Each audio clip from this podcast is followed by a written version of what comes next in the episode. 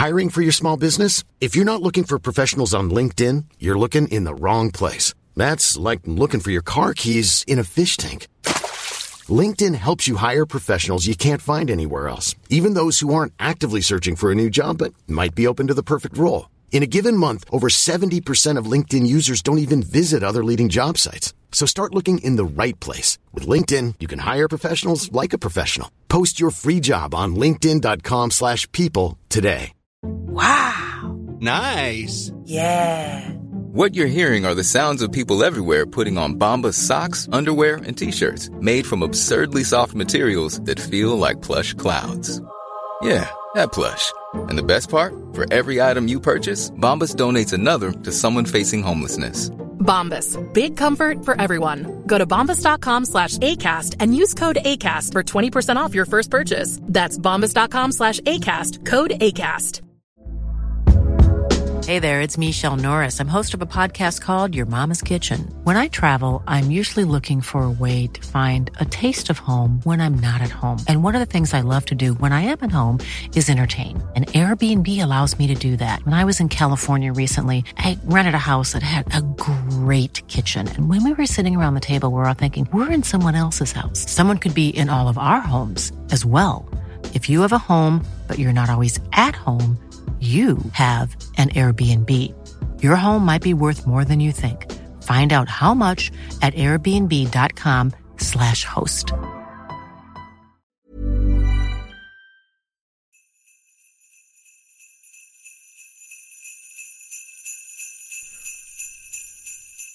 Er du klar for pod, Øystein? Veldig klar for pod. Dra krakken bortåt glaset, og det knitrer i peisen, og det er jammen meg julestemning her i Scootspoddens studio. Ja, det er det. Og vi sitter og knekker eh, hasselnøtter og gomler. Ja, ja. Spiser mandariner og teller nellikspiker og koser oss her. Og velkommen til deg òg, du som er trofast lytter i Scootspodden. Som tuner inn og får med deg norsk bilhobby og bilprat fra ørekroken. Ja, Det setter vi pris på. det er hyggelig. Og det her er jo den tredje jula for eh, Eh, vi gikk jo hardt ut med, med det velkjente julemysteriet fra første jula, som ble en triologi om det vi kalte verdens beste bilhistorie. Mm. Og det står vi ved. Det er ikke mye som slår den. Nei, det er det absolutt ikke. Og så neste runde så var det jo juleevangeliet. Det var også tre episoder om vår alles Il Tempo Gigante. Ja, Det ble jo en fantastisk hyggelig triologi med teknikken og detaljene rundt Il Tempo Gigante. Det var fantastisk. Ja. Det føles jo som du er borte og pirker på folkenerven med Ja, bilentusiasme i Norge, ikke sant? Det jo det. Og det er jo sånn at eh, alt det vi har snakka om tidligere i jula, er jo eksempel på utrolige historier. Men så er det jo det at eh, arbeidet, tre år med Scootspod, har jo lært oss det at det bor jo noe helt utrolig historier i mange folk. Linker til mange biler. Gjester, hyggelige folk. Og vi er så privilegerte, Jon Roar, som får ta med oss mikrofoner og, og sette oss eh, i alle de hyggelige garasjene og mekkelokalene og pausehjørnene rundt om i det ganske land. Og vi har hatt noen fantastiske øyeblikk altså, i det siste året. Ja, og det, det rareste her sånn er, det er nesten som å vaske gull, ikke sant? Fordi Ja, Ja, noen, ganger, noen ganger så veit du at det, i den uh, elva her skal det være mye gull. Ja. Og så er det kanskje ikke så spennende å finne det gullet likevel. Men noen ganger så kommer vi til en elv vi ikke vet noen ting om. Og så Ja. er det bare helt fantastisk spennende. Og altså, du kan ikke bedømme bilentusiaster på deres eh, historie i forkant. Du har Nei. nødt til å snakke med dem. Ja. Det er det hele podden går ut på. Snakke med bilentusiastene. Akkurat. Og jeg si, jeg har jobba i blad før, og du, du har liksom vært og intervjua folk og, og skrevet ned ting. Og, og, og betrakta ting og sett på ting og beskrevet det. Men her får vi høre ting rett fra kilden. Det, det er sjølopplevde ting som fortelles. Altså, eh, et bilde er verdt tusen ord, men en ekte fortelling er verdt mange tusen ord i forhold til en, en skrevet tekst eller eh, en gjenfortalt sak. Så det her er ekte, ordentlig norske bilhistoriene. Det har vi fått så mange av eh, det siste året, nå når verden åpna opp og vi kunne reise rundt. Så det Ja. Sånne godbiter er vi så glad for. Ja. Og en av de som har virkelig overraska oss i, i året som har gått, den, eh, den har vi spart litt på. Det har vi spart litt på, og tenkt at det er en passende hyggelig, god julekaramell som eh, vi skal gi til lytterne våre. Ja. Fordi det er noe med det at når du forteller en historie, hvis du har innlevelse nok, så kan du faktisk male bilder rett gjennom eteren, liksom. Så at eh, Ja, jeg har jo sittet og hørt på dette her litt tidligere i kveld, og vi har det veldig moro, Øystein. Så hvis lytterne våre har det halvparten så moro, så blir dette veldig bra. Ja, det er veldig bra. Så det, la denne julekaramellen være et eksempel på det at eh, i enhver bilentusiast så bor det utrolige historier som bare venter etter en mikrofon og en talerstol å få komme ut. Så eh, vi gleder oss til hele neste år med mange hyggelige gjester. Og så er det Ja. bare å kose seg med da, årets julekaramell. Ja, da kjører vi på den, da. Yes. God jul! God jul!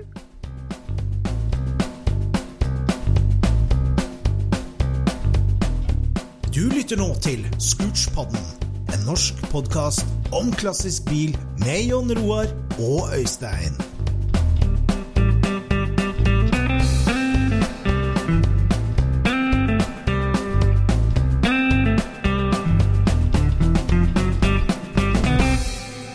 Kjære lytter, velkommen til en ny episode. Nå har vi altså flytta inn i det utrolig flotte museet Kultur på hjul her på Fornebu. Og verten vår i dag, og den hyggelige gjesten som vi er veldig glad for å ha om bord, det er du, Øystein Hagfors. Velkommen til oss. Tusen takk skal du ha, dette har jeg gledet meg til. Ja, det var det. Du har ikke vært på så mange podkaster, kanskje? Jeg måtte si til dattera mi i dag at hvem skulle tro at Øystein skulle bli podklar? Ja, det da. Det er bra. Ja, du har klargjort eh, kontoret her, så vi har rigga oss til med studio. Men, men for et hobbyrom, og for et uh, hyggelig sted å være dere har her. Det er jo sånn det er for oss uh, godt voksne, lekende gutter. Ja. Tom Arheim og undertegnede har samlet alle våre leker fra et helt eh, to hele liv. ja. Og vi er født eh, rett etter krigen. Og eh, her på Fornebu, i 1939, var det fem Gloster Gladiator dobbeltdekkere-fly som tok av utover Oslofjorden og møtte Blücher, og gjorde den første kampen for Norge. Og her på Fornebu, her landet tyskerne med over 130 fly, og dette ble en teknisk nøkkelposisjon for tyskerne. Og den tekniske nøkkelposisjonen har Tom og jeg videreført med vår hobby, ja. som er fly, tog, bil, scooter. Vi har samlet alt gjennom to hele liv og komprimert det inn i et ganske trangt rom, Ja. men gjort det ganske spennende.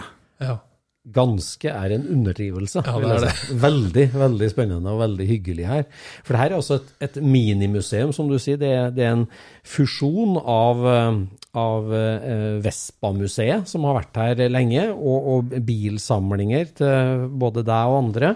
Som er et veldig kompakt og utrolig innholdsrikt museum som hvem som helst kan besøke på lørdag og søndag. Og komme hit og løse billett og få en omvisning av dere. Ja, det er eh, billett for voksne som koster en hundrelapp. Barn er gratis. Og vi som jobber her, jobber eh, frivillig. Ja. Eh, Og dette er ren entusiasme og ren glede som vi prøver å gi videre til så mange som mulig. Sånn at vi kan treffe folk, se dem i øynene, spre glede og dele entusiasme med så mange som mulig. Ja. Ja, for det er folka det handler om. Det. Jeg har vært her to, et par ganger. Jeg har vært her én gang uten at noen av dere var her, og så har jeg vært her litt sammen med deg og Tom. Og det, den derre personlige preget og historien om alt, og de, den lidenskapen dere formidler, det, det, altså det, går fra å være helt statiske ting til å bli levende ting gjennom denne fortellingene deres og engasjementet rundt de her tingene.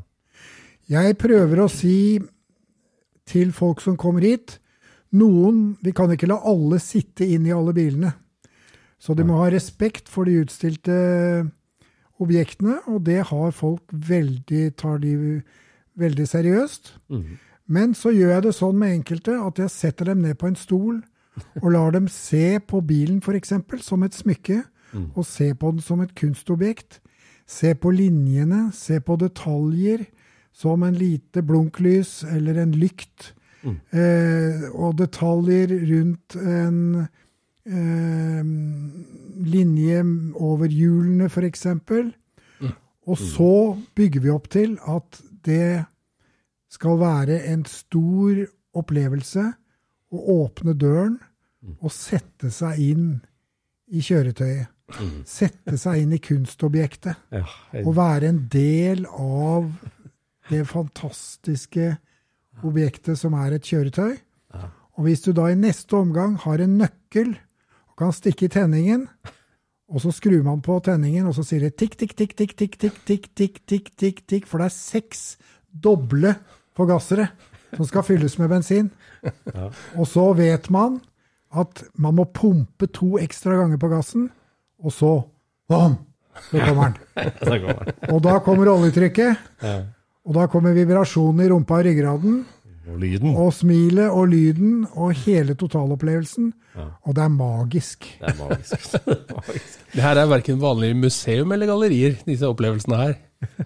Nei, dette, dette, skal ikke være noe normal museumsopplevelse. Nei.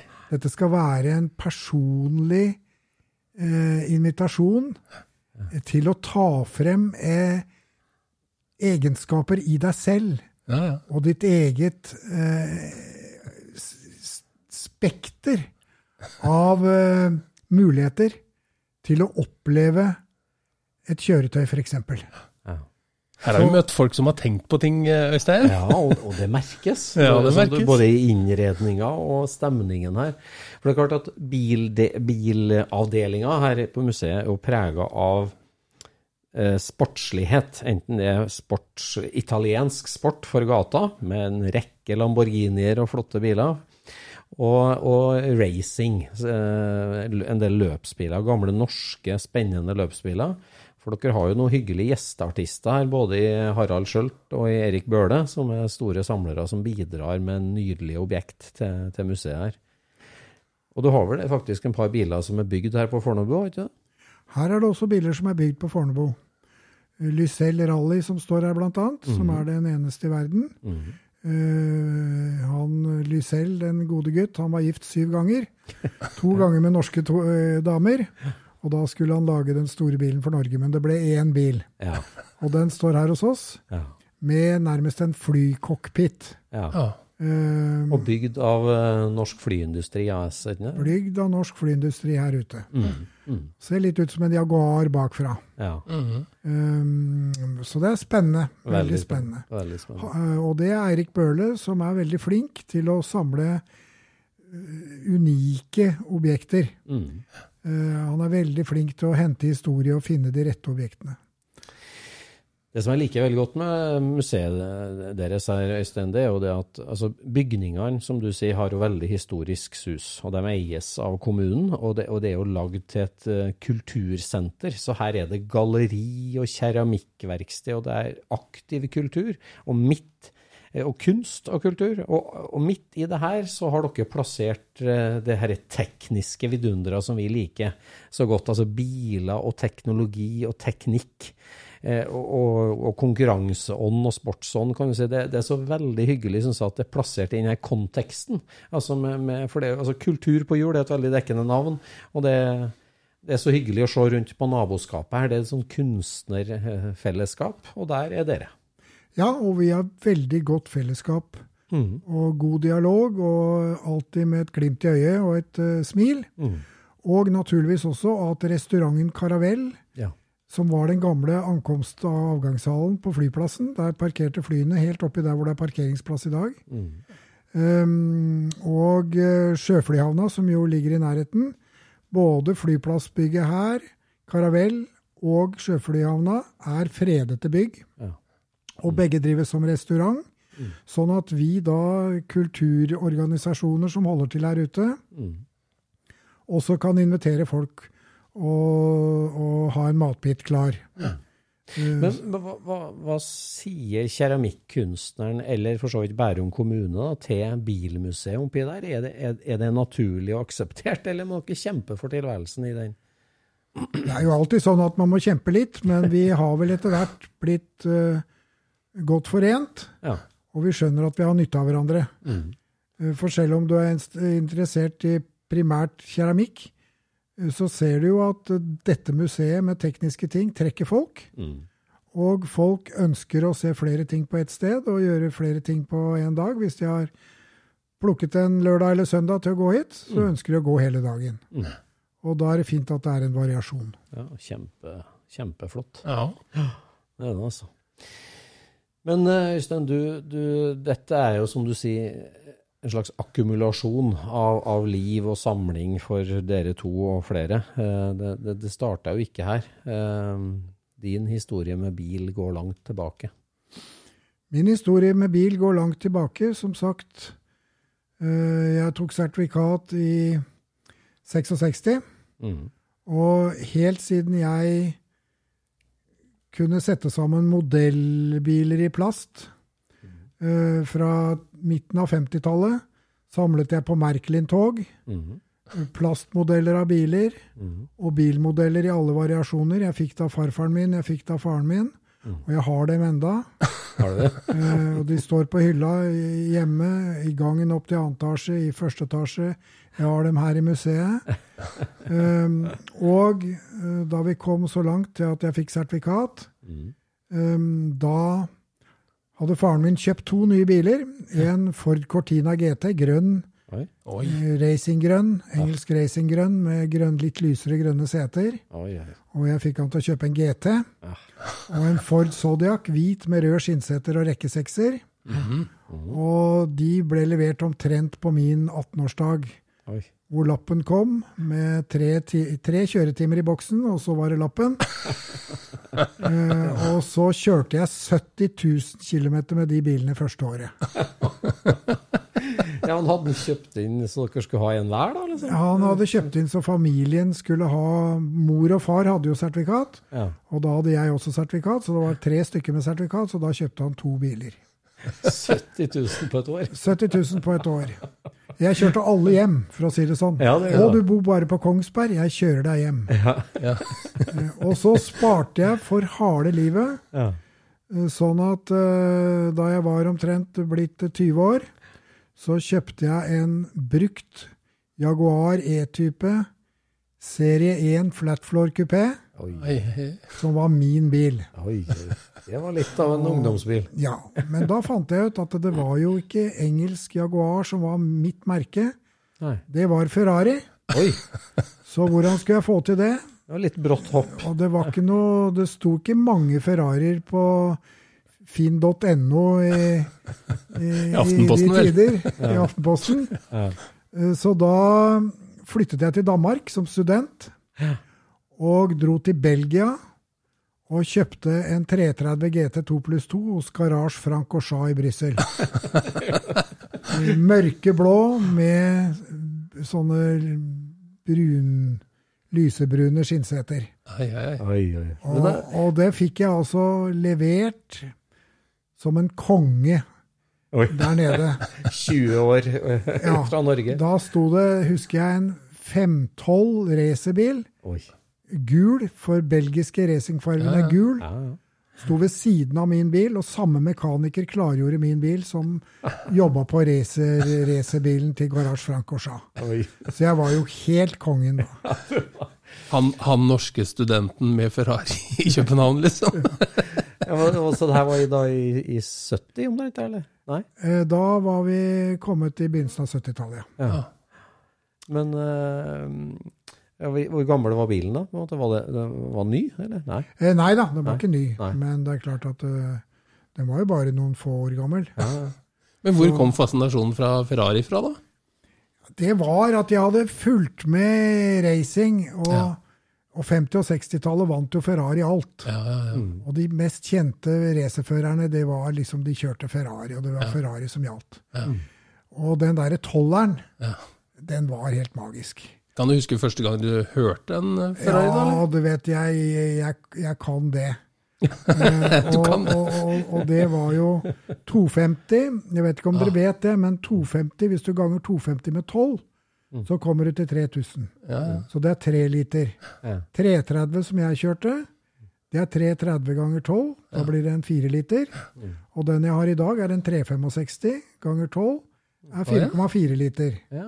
Sånn det fungerer. 400, 4,8 liter. 412, 4,9 liter. Aha. Men så er det enkelte som heter 512 BB. Det er en 5 liter toller. Ja. Så det er ikke konsekvent. Nei. Men dette var, dette, jeg har vært helt gira på.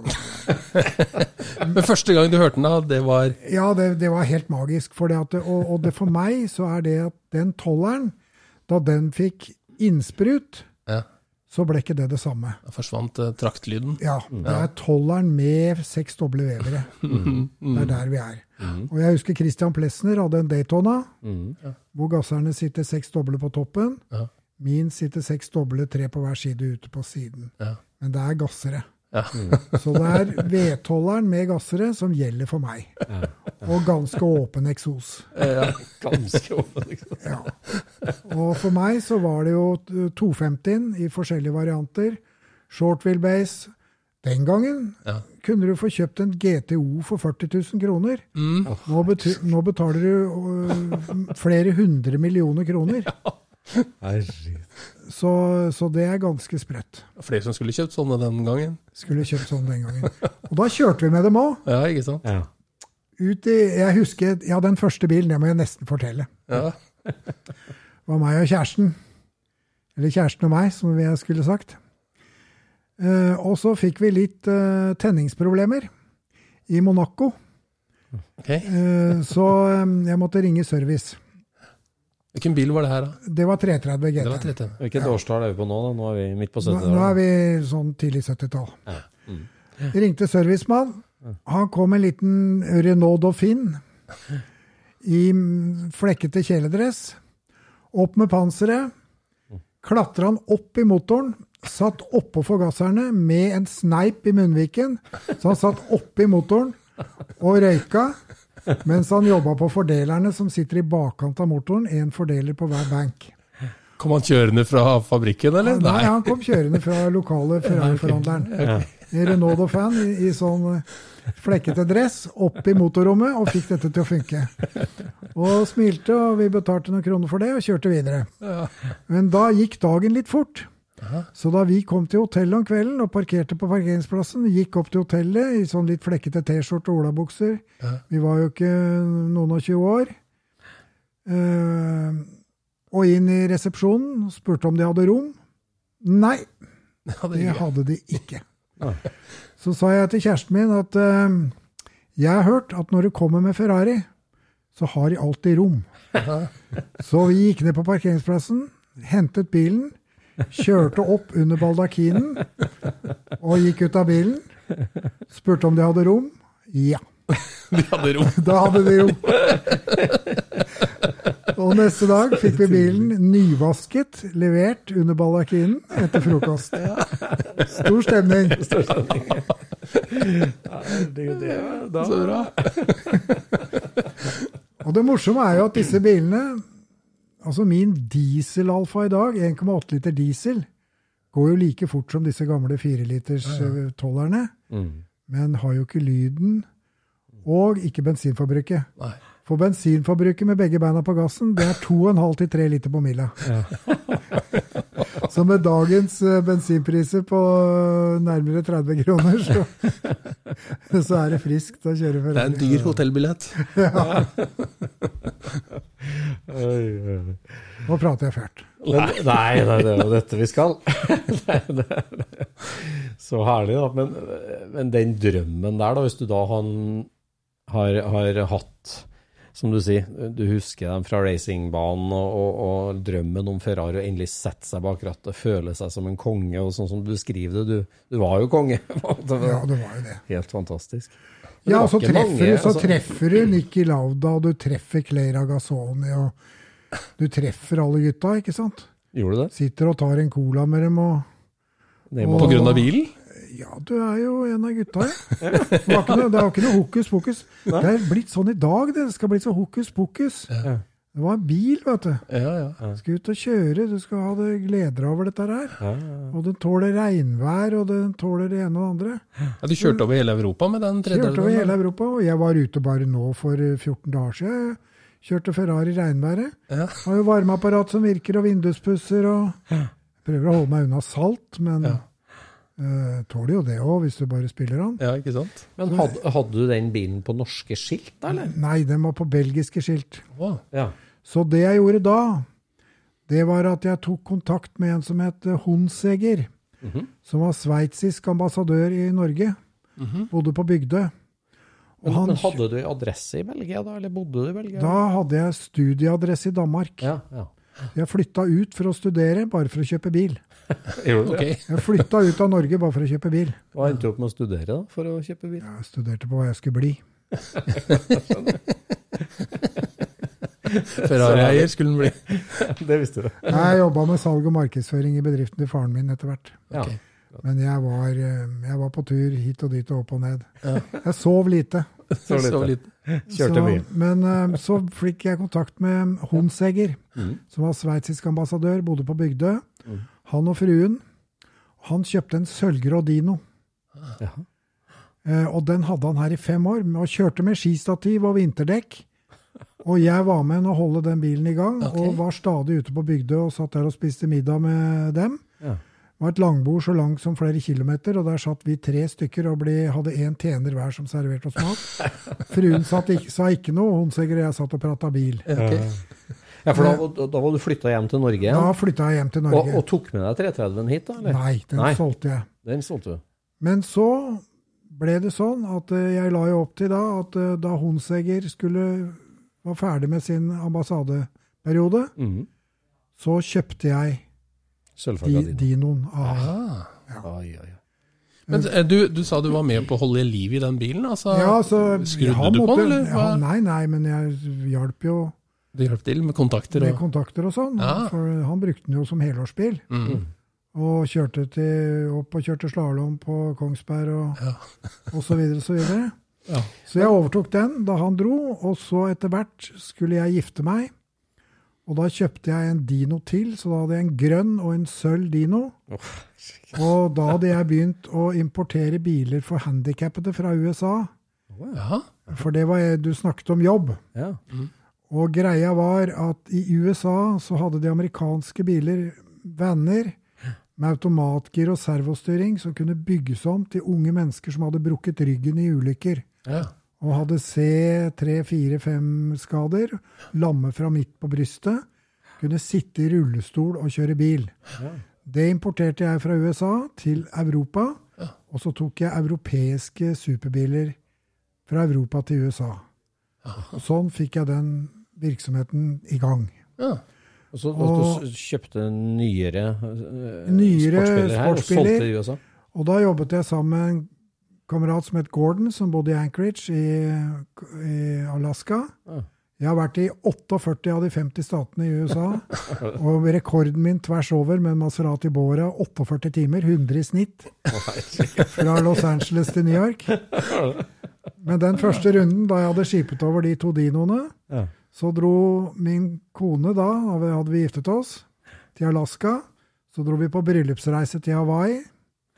Og så eh, dro vi inn til Los Angeles og hentet de to dinoene Som du hadde sendt fra Norge? som jeg hadde sendt fra Norge. Og så da vi kom fra bryllupsreise på Hawaii, så plukka vi opp hver vår dino. Nei. Og hun gråt, for hun skulle kjøre da dino i rushtiden i Los Angeles. Aleine? Ja, altså, ja, vi var jo to biler, da, men Ja, ja. vi måtte jo sitte aleine og kjøre. Ja.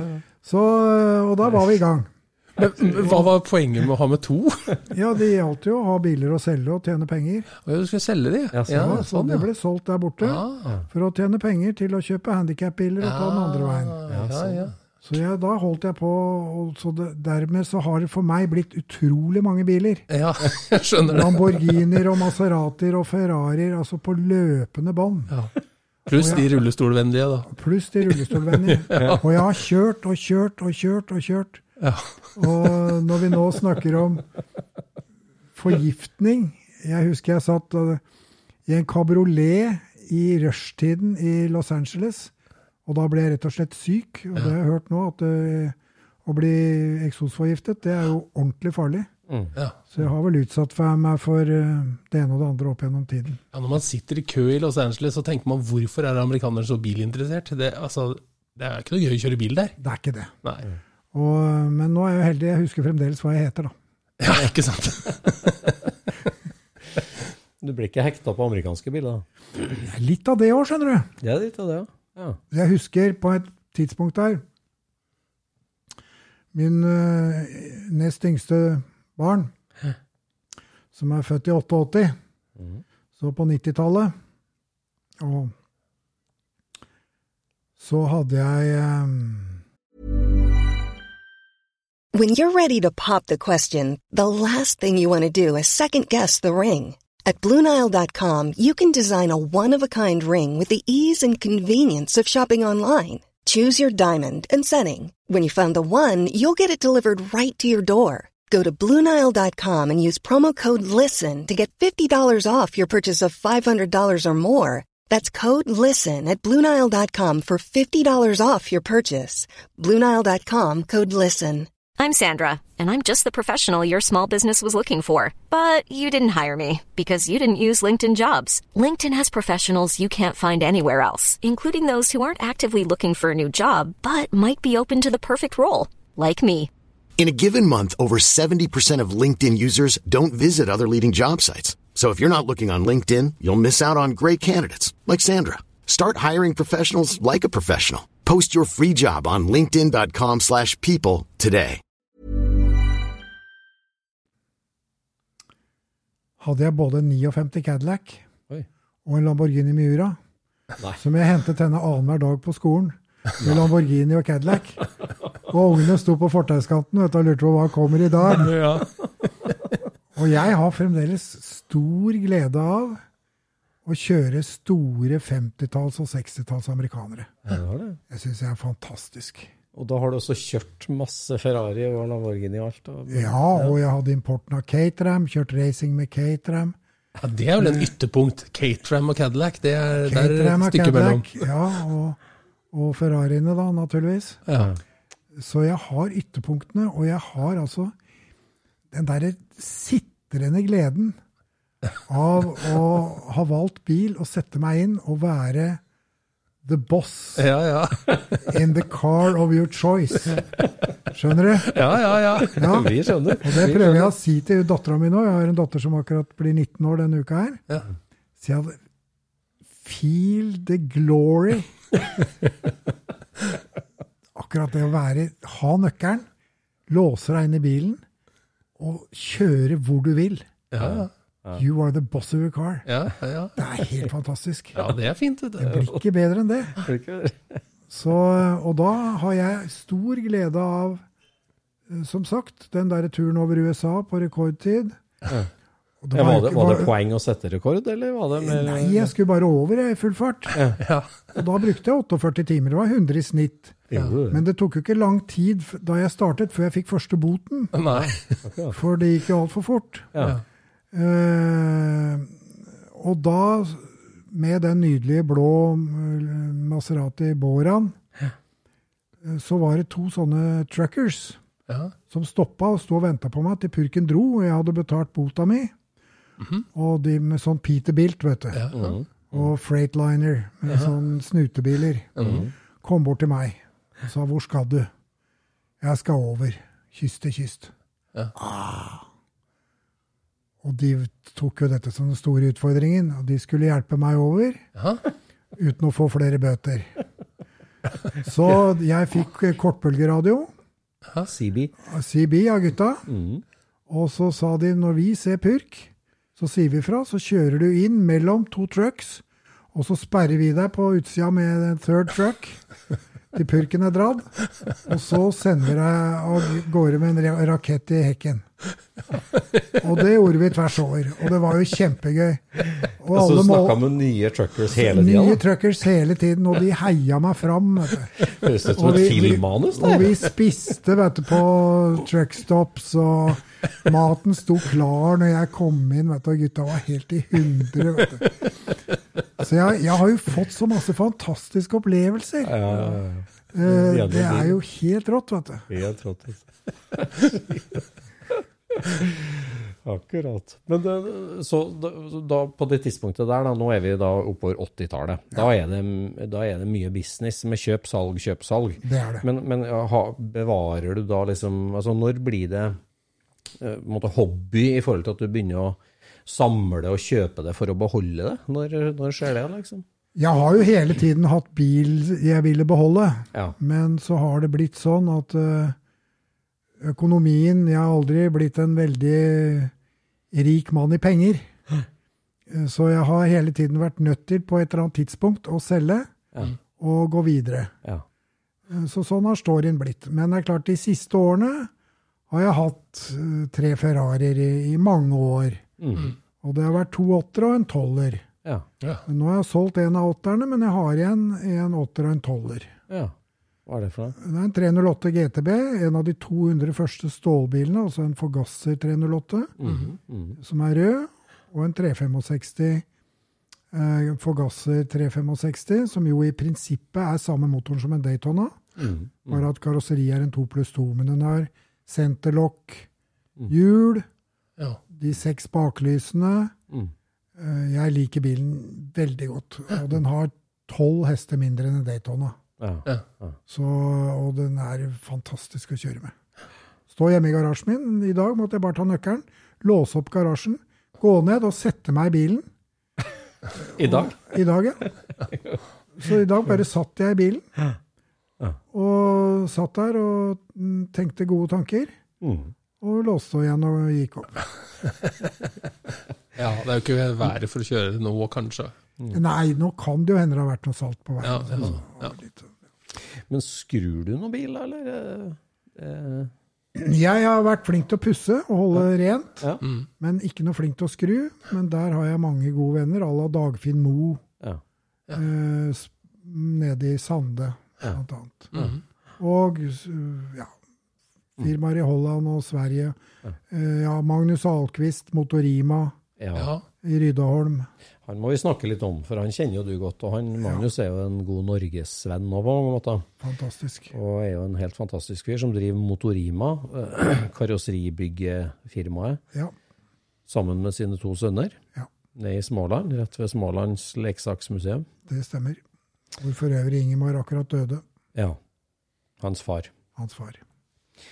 Og vi liker jo Magnus Alquist fordi at de første Motorima-bilene var jo folkevognbasert. Så vi, for vi har jo et hang mot folkevogn og Porsche og, og tysk bil. Ja, ofte. Volkswagen. Og, og de første bilene han bygde, var jo basert på det. Jeg har vært og besøkt ham. Han har jo bygd noen helt utrolige karosseri og utrolige biler. Ja. Fortell oss litt om hva du har gjort sammen med Motorima. Eh, Nei, altså sammen med Motorima så ble det jo ja, Ferrari 5, eller Maserati 5000.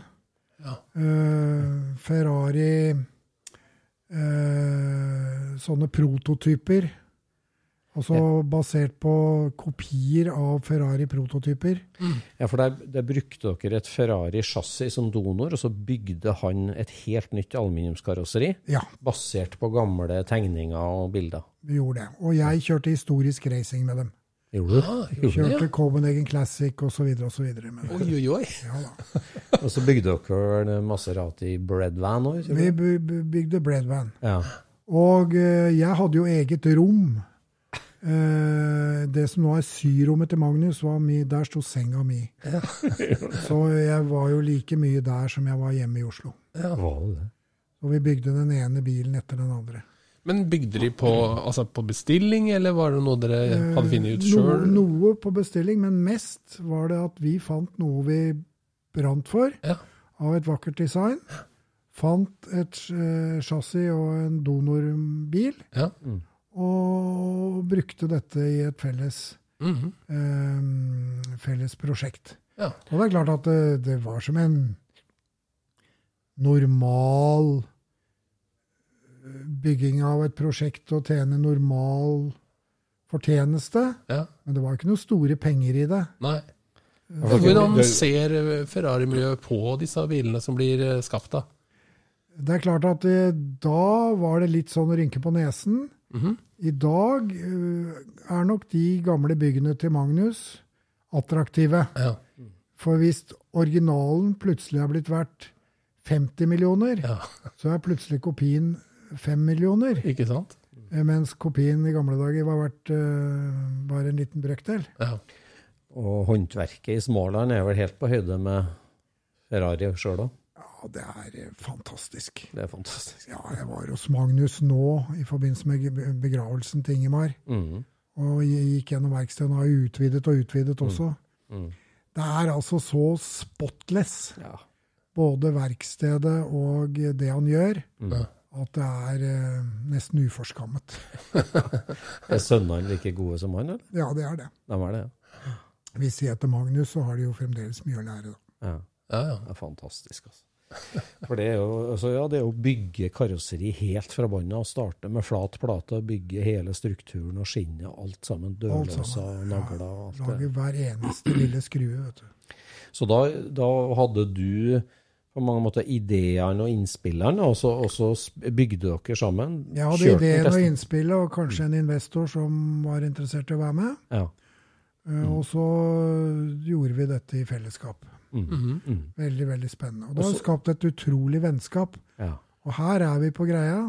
Mm. For det er det å treffe et menneske Mhm. som du ser i øynene, som du får eh, de gode vibrasjonene av å, å gå inn i et prosjekt. Mhm. Mm. Det derre tette vennskapet, Mm. det Du har er ikke jo bare bestilt det på en nettside, liksom? Nei.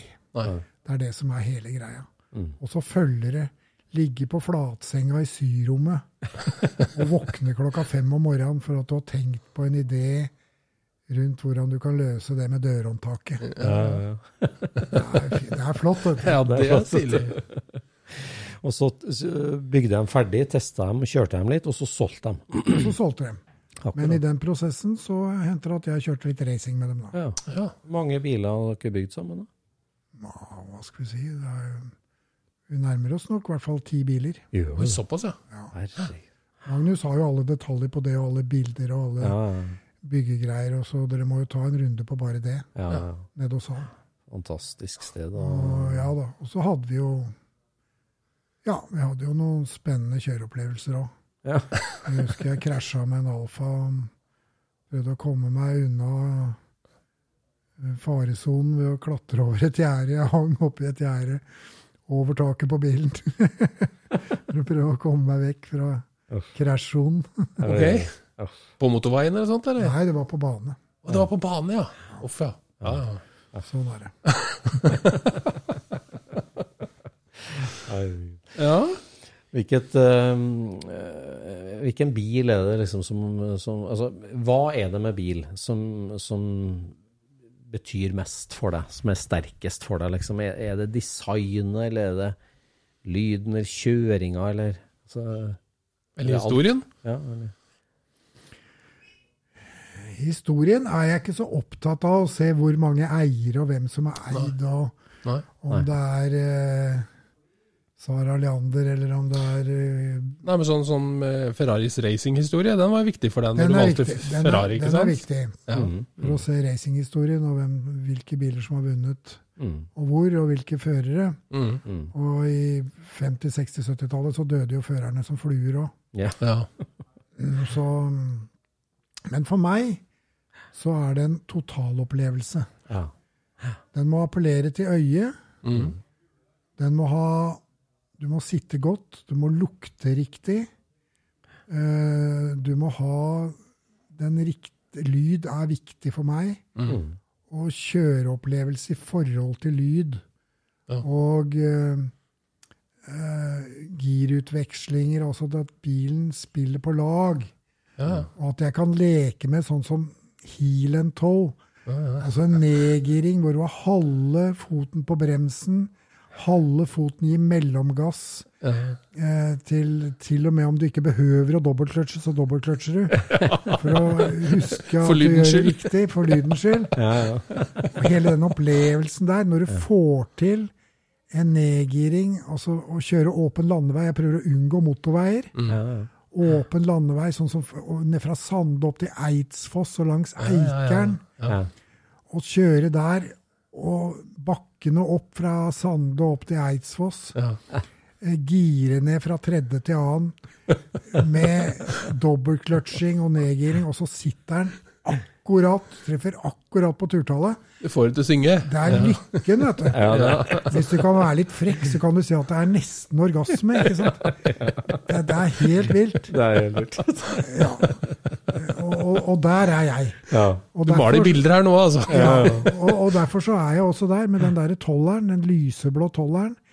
For det første har jeg på soveværelset mitt, det er det første jeg ser om morgenen, det er modellbilen Ja. som har samme farge som den bilen som står nede i garasjen. Den 365. 365 GT4 2 pluss 2. Mm, mm, Som kom i 72 til 76, er laget i 524 eksemplarer mm, og er en nydelse. Mm. Det er en 2 pluss 2 Daytona. mm, mm, Og det er helt nydelig, altså. mm. Og jeg ser også på bildene. Jeg så på det første bildet som ble tatt i Paris-salongen i 72. Mm. Eh, Da ble den vist ny der, Ja. eh, sammen med den eh, Daytonaen som vant Tour de France. Ja. Trang liten stand, Ford Taunus på andre sida av midtgangen, og noe Mazda nedenfor.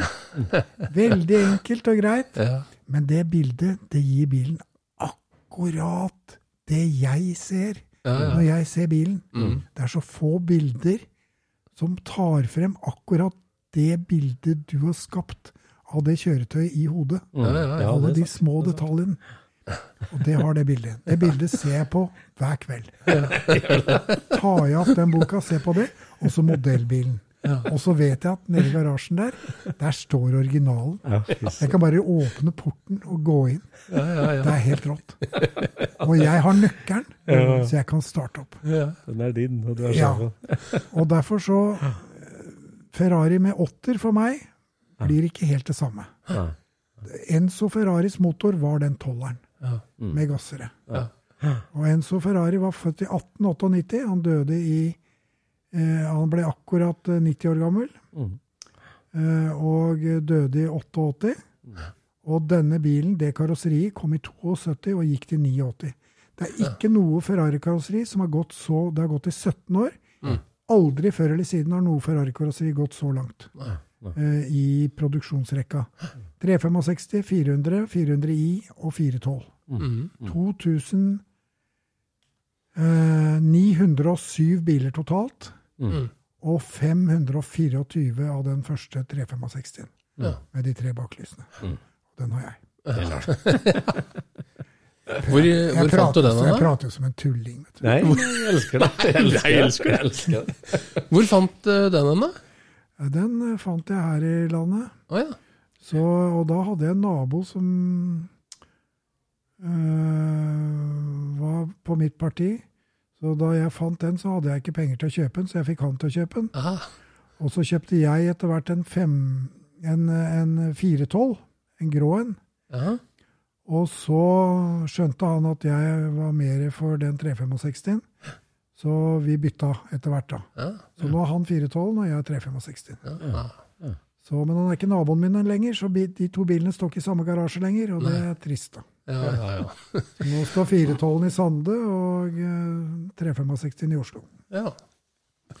Men altså, apropos Norge, da. Når du eh, som den hjemkomne Ferrari-eier fra det store utland, kan si, når du flytta hjem fra København Ja. på, på slutten av 70-tallet, der, noe sånt, Ja, ja. var det noe i Ferrari i Norge da? Før 1980? Nei, det var ikke det. Kunne du telle dem på ei hånd? Du kunne, mer? du kunne telle dem på én hånd. Vet. Kunne du det? Ja, det var ingen som kjøpte Ferrari her, vet du. Og dem hadde du oversikt over, du i Ja, da hadde jeg oversikt over det. Mm. Det var jo liksom en 250 GTE, og det var noe sånn. Mm. Eh, og Christian Plesner har jo vært flink til å ha Mm. fine Ferrari opp igjennom. Mm. Men nå har han Mercedes. Mm. Så, men jeg, jeg skal i julelunsj til Christian her nå snart. Ja. Så skal jeg prøve å påvirke han til å få en Så bra. Ferrari. Men uh, hvordan fikk du uh, Caterham-importen, da? Det var i forbindelse med racing. Ja. Og jeg fikk høre for det at jeg hadde en Lotus Super 7. Å ja, ja, ja. Og i den forbindelse så tok jeg kontakt med Caterham. Ja. Og de ønsket jo å komme inn i Skandinavia. Og for meg så var det en fin måte å komme inn ved å gå gjennom racerbanen. ja. Eh, Så jeg snakket med dem, og så syntes de det hørtes interessant ut. Og så For det var vel en av de få som, av den typen bil som det gikk an å registrere i Norge en stund, var det ikke det? gjorde det. Ja. Gjorde det. Og veldig morsom bil å kjøre med. da. Ja, ja. Mm. Så, så jeg hadde mye, mye gøy med det. Ja, for at etter du, du fortalte at du forlot eh, Jaguar litt brått som ungdomsbilen, så tenkte jeg aldri mer engelsk, men du var ikke helt der. Jeg kjøpte jo også en 4,2 liter kabriolet. Ja. eh, Og jeg har hatt S-Type, og jeg har hatt Aston Martin. Det ene og det tredje. ja. Jeg. Jeg har aldri talt opp hvor mange biler jeg har hatt, men det er eh, uhorvelig mange. Men fineste lyden her Ferrarien? Ja, det er ikke tvil om. Og, og jeg har også hatt Jeg hadde jo Lamborghini 400 GT. Ja. Og da var gutta mine to og fire år gamle. Og øh, vi kjørte ned til fabrikken for å ta den på service. Ok. Og der var det noen arabere for øvrig som var og servet noen biler. Og de ville kjøpe kona mi, men ikke ungene.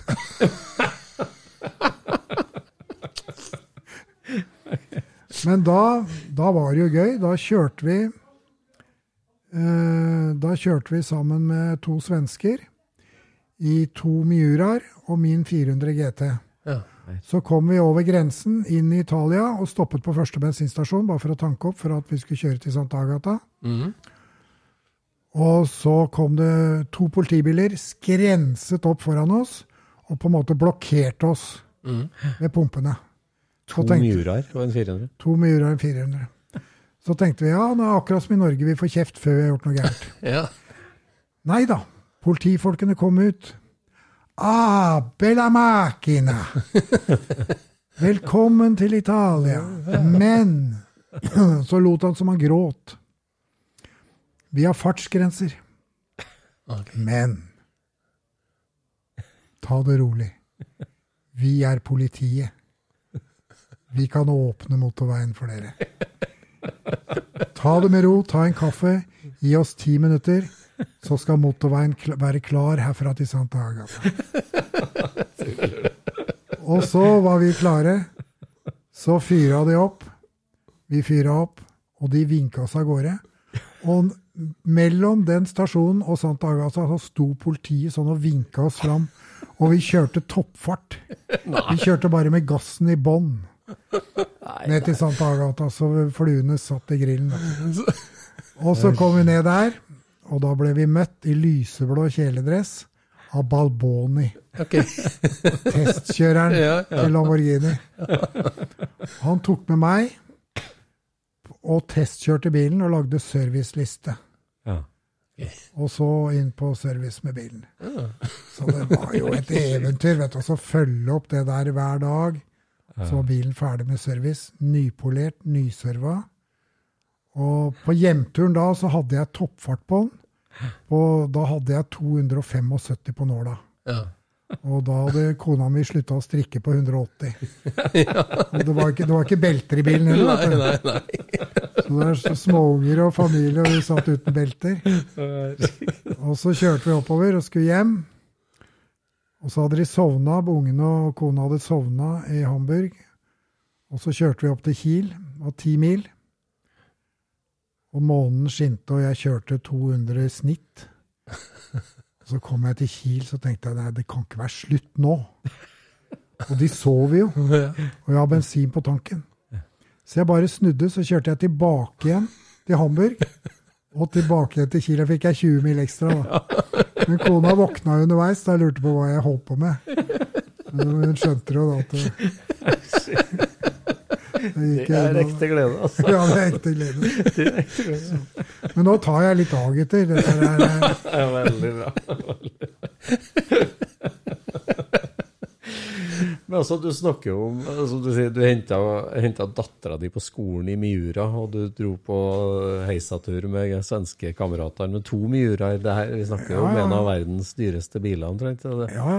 Eh, Hvor er bilene her i dag, eller hvor eh, Eh, Nei, alle disse bilene er solgt ut av Norge. Ja. Det er det. Ja. Så, men jeg tenker at Jeg tenker at mine opplevelser var fantastiske opplevelser. ja. Og uh, hver dag i livet, det er sånn at uh, jeg kaller meg selv Øystein. Skriver med Øystein med I. ja. Og etter navnet mitt, akkurat som du har etter navnet ditt, står det D punktum E punktum. Ja. Den eneste. Jeg er den eneste. Og i dag Jeg er snart 75 år gammel. I dag våkna jeg, trakk opp gardina, snur meg mot lyset, og så har jeg gått inn i en ny dag. Det er ingen mennesker på jorden som har noe annerledes. Vi får en dag. Den må vi snu oss imot og ta imot med åpne armer, og så må vi leve den dagen. Og da å henge seg opp i hva jeg opplevde, og nå er jeg lei meg, for nå har jeg ikke det lenger, og hva skal jeg gjøre om tre år? Glem det. Grip dagen. Ta tak i det du har i dag, og grip dagen. Så det ordentlig smeller. Mm. Og det gjelder med den bilen du måtte ha i dag, eller du kan kjøpe på ettermiddagen eller i morgen. Er du interessert i bil, så ikke tenk at det er noe du skal gjøre om fem år. Gjør, gjør det nå. Ja. Da, og jeg har en bil. En gul Fiat Coupé. Ja. Pininfarina har designet interiøret. Ja. Står Pininfarina på dashbordet. Eh, og Fiats eh, sjefsdesigner har eh, laget eksteriøret. Jeg drar på banetreff med den. Den er gul med sort seter. Mm. Tøff som juling. Mm. Godt under 100 000 kroner Mm. Den tar, tar helt av for meg i forhold til å være en fin bil til Mm. gunstig pris, Mm. som gir meg nesten like mye som Ferrarien. Ja. Den gir meg ikke tolverlyden, men bortsett fra det, så gir den det meste. Ja. Mm. Så det bør ikke koste en million. Nei. Nei. Men det må være italiensk. For deg. For meg er det litt viktig. Det, må- det må jeg innrømme. Mm. Det har kommet dit Ja. etter å ha prøvd mye. Og det er derfor den store kontrasten. En stor amerikaner fra 50-60-tallet, Mm. den er så annerledes Mm. at den er helt annerledes i forhold til det italienske. Det er ikke samme spillet? Det er ikke samme spillet. Det er jo, det er jo et annet spill. Mm. Men Eh, Hva, hva er liksom fellesnevneren på den gule Fiat-kupeen og, Fiat, og, og Ferrarien og Alfaen som du har til bruksspill? da? Altså, hva, hva er liksom det interiøret, det er like vakkert. Ja. Det er Pininfarina. Hvis du ser her ute Lamborghini begynte med Turing. Så gikk Turing konkurs. To mann som het Marassi, lagde Isleron. Så ble det Bertone. Mm. Ferrari har holdt seg til Pininfarina.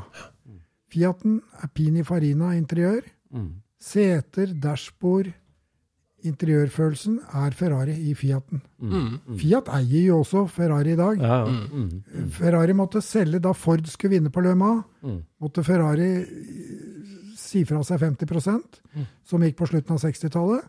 Og da han døde, så gikk resten. Mm. Så fra Ferrari døde i 88, Mm. 88-89, så har Fiat eid alt, alt sammen. Mm. Eh, så da er vi Og kjørefølelsen, kjøre på bane, den er lett. Mm. Veldig lettbeint. Veldig eh, Den danser. Mm. Eh, morsom å kjøre med. Mm. Eh, nedgiring og dobbeltkløtsjinger og alt eh, ligger der. Så det er bare motorlyden, Mm. Mm. Rett og slett. Mm. Og så lurer jeg på en ting at eh, vi har som sagt eh, veldig sånn tysk bilbakgrunn, og er ikke så kjent med det italienske. Men, og, og det er ikke så mange som er som deg, som har kjørt så mange biler, italienske biler. Og måte Maserati, Lamborghini, Ferrari. Tre eh, fantastiske biler, bilmerker, på hver sin kant. Hvordan vil du liksom beskrive altså, Hvordan skal du karakterisere de tre juvelene der? Liksom? Hvordan er de for, forskjellige, hvordan er de like? Hva, hva, er typisk og utypisk med de tre oppimot hverandre som italienske superbiler? liksom? Ja, typisk er jo designet. Mm. At du får en opplevelse av å se de bilene du er mest opptatt av, av et av de tre merkene. Mm. Eh, så lager de ofte et veldig hyggelig og fint kjøremiljø, altså interiørmiljø. Mm. Eh, når det gjelder Lamborghini, så kjørte jo Ferruccio Lamborghini han kjørte Ferrari. Mm. Mm. Og så var det litt småplunder, så han tenkte jeg kjører bare ned og tar en liten chat med Enzo. Mm. Ja, vennskapelighet. Så traff en Enzo på en dårlig dag. Mm. Så Enzo så du Ferruccio, dra opp igjen til Sant'Agata og lage traktorer, så skal jeg lage biler. Ja. Det syntes han var litt dumt. Mm. Så da tenkte han shit au, jeg har jo muligheten. Lager så bil. da går jeg om, så lager jeg bil. Mm. Uh, og han tok jo de to beste teknikerne fra Ferrari, og så lagde han den firekam med seks doble Weber-motorer, uh, som ble nærmest lik en 275 GTB 4-motor. Mm. Og en Daytona, for så vidt. Men den er, den er så fint laget og så smooth at jeg føler at den er, den er litt snillere, på en mm. måte. Lamborghini er snillere? Lamborghini-motoren er litt snillere. Mm. Den virker litt snillere. Mm. Men jeg har hatt mange Den er vel kanskje ikke laga for racing, da, sånn den, som Ferrari sin er? Han skulle ikke han, skulle, han gjorde et nummer av mm. at han ikke skulle kjøre racing. Ja. Mm. Men Ferrari han ville jo bare kjøre racing. Nettopp. Mm. Han dreit i alt det der andre mm. som var noe ordentlig tullball. Ja, ja, ja. Så det var to helt forskjellige filosofier. Mm. Maserati er jo det eldste av de tre merkene. Mm. mm. Og, men de gikk jo da på rekkeseksere og på åttere. Um, og litt annen motorteknologi. Jeg føler det er litt litt mer gammelmodig motorteknikk på noe av det. Mm. mm. Men ikke alt. Maserati lagde jo noen fantastiske racerbiler. Mm. Ja. Så um, vi skal ikke si noe annet enn det. Og, og den Maserati Boraen var jo helt utrolig flott. Mm. Uh, så um, absolutt. Ja. Det er fantastisk. Men, um, men, jeg har hele tiden kommet tilbake til den der kombinasjonen av design, mm. av kjørefølelse og lyd. Mm. Uh, og spillet mellom motorteknikk og kjørefølelse. Ja. Mm. Der, den Ferrarien snakker til meg. Mm. De gamle tollerne, da. Mm. mm. Ja. Fantastisk. Mm. Gjør det.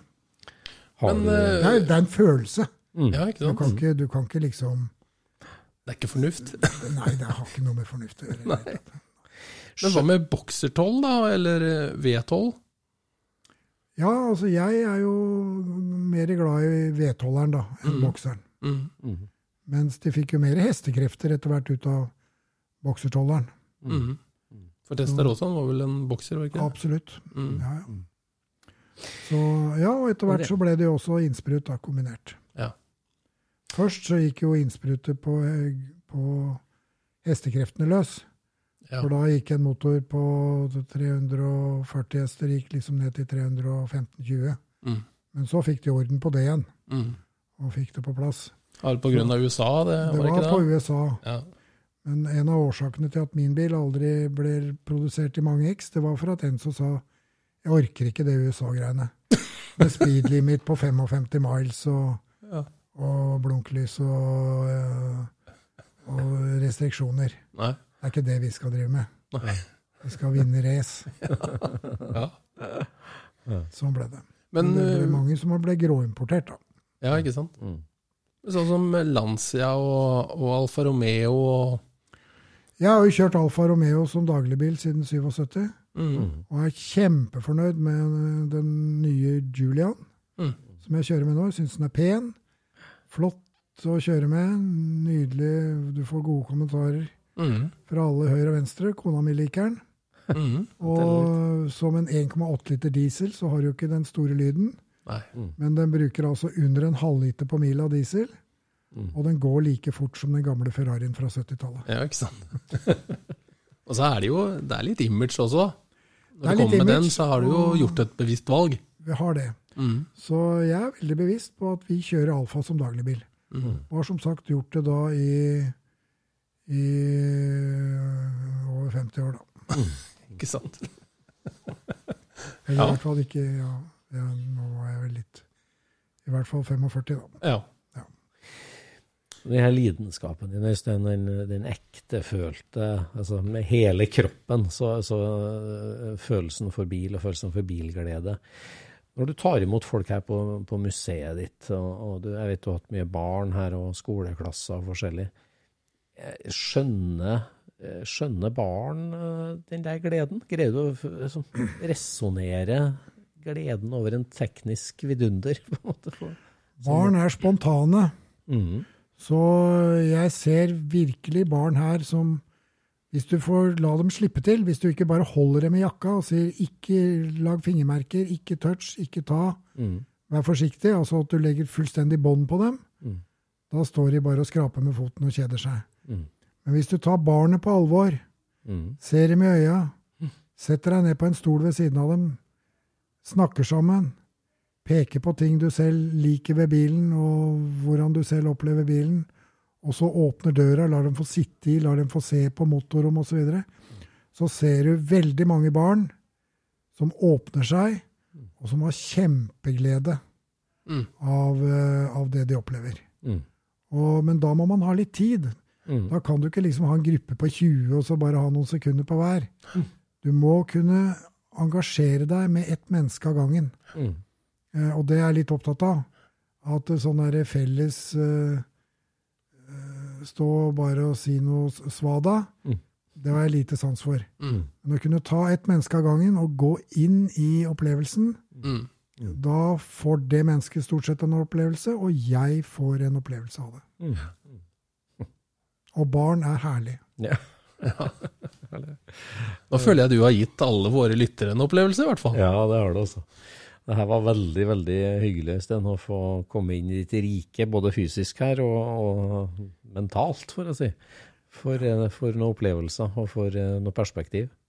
Ja, og det har også med Nå har vi kommet til dette her Folk er så opptatt av verdier. Men jeg er helt uinteressert i pengeverdier på dette her.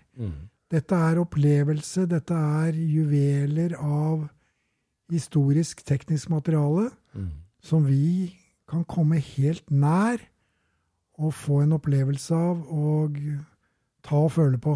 Mm. Og se hverandre i øya og oppleve det sammen. Mm. Og da blir dagen spennende. Ja. Ja. Tvilsomt. Tusen takk for en, eh, en spennende prat, og tusen takk for at du tok deg tid til å ta oss imot. Veldig glad for at dere kom. Og at jeg fikk sitte her og ljuge og skravle eh, på denne måten. For det, det gir meg energi, og det gir meg glede i å tenke tilbake på alle disse årene. Og forhåpentligvis mange gode dager fremover. Ja. Og jeg kan hygge meg. Ja. Etterpå skal jeg kjøre hjem med alfaen min. Ja. Og jeg gleder meg til det. Ja. Åpne døra på den og sette meg inn. Kjempefin opplevelse. Så snur du når du kommer hjem og kjører hit igjen, og så hjem igjen. Eller blir det førstemann til Kongsberg, kanskje? Ja, kanskje det. ja, nei, vi sier tusen hjertelig takk, Øystein, og så oppfordrer vi alle lytterne til å svinge innom Kultur på hjul på Fornebu når de er i Oslo. Riktig velkommen til hver enkelt, og vi skal eh, stå her med smil og entusiasme. Ingen tvil om det. Takk for besøket, Øystein. Takk, takk. Scootchpoden produseres av SSC Media, med god hjelp av VV Norge og Trond Dahl for hosting, Knut Micaelsen for musikk. Abonner på Scootchpod via podcaster eller Acast, og følg Scootchpod på Instagram og se det vi snakker om. Der kan du også komme med kommentarer og innspill, og fortelle oss hva du vil høre om.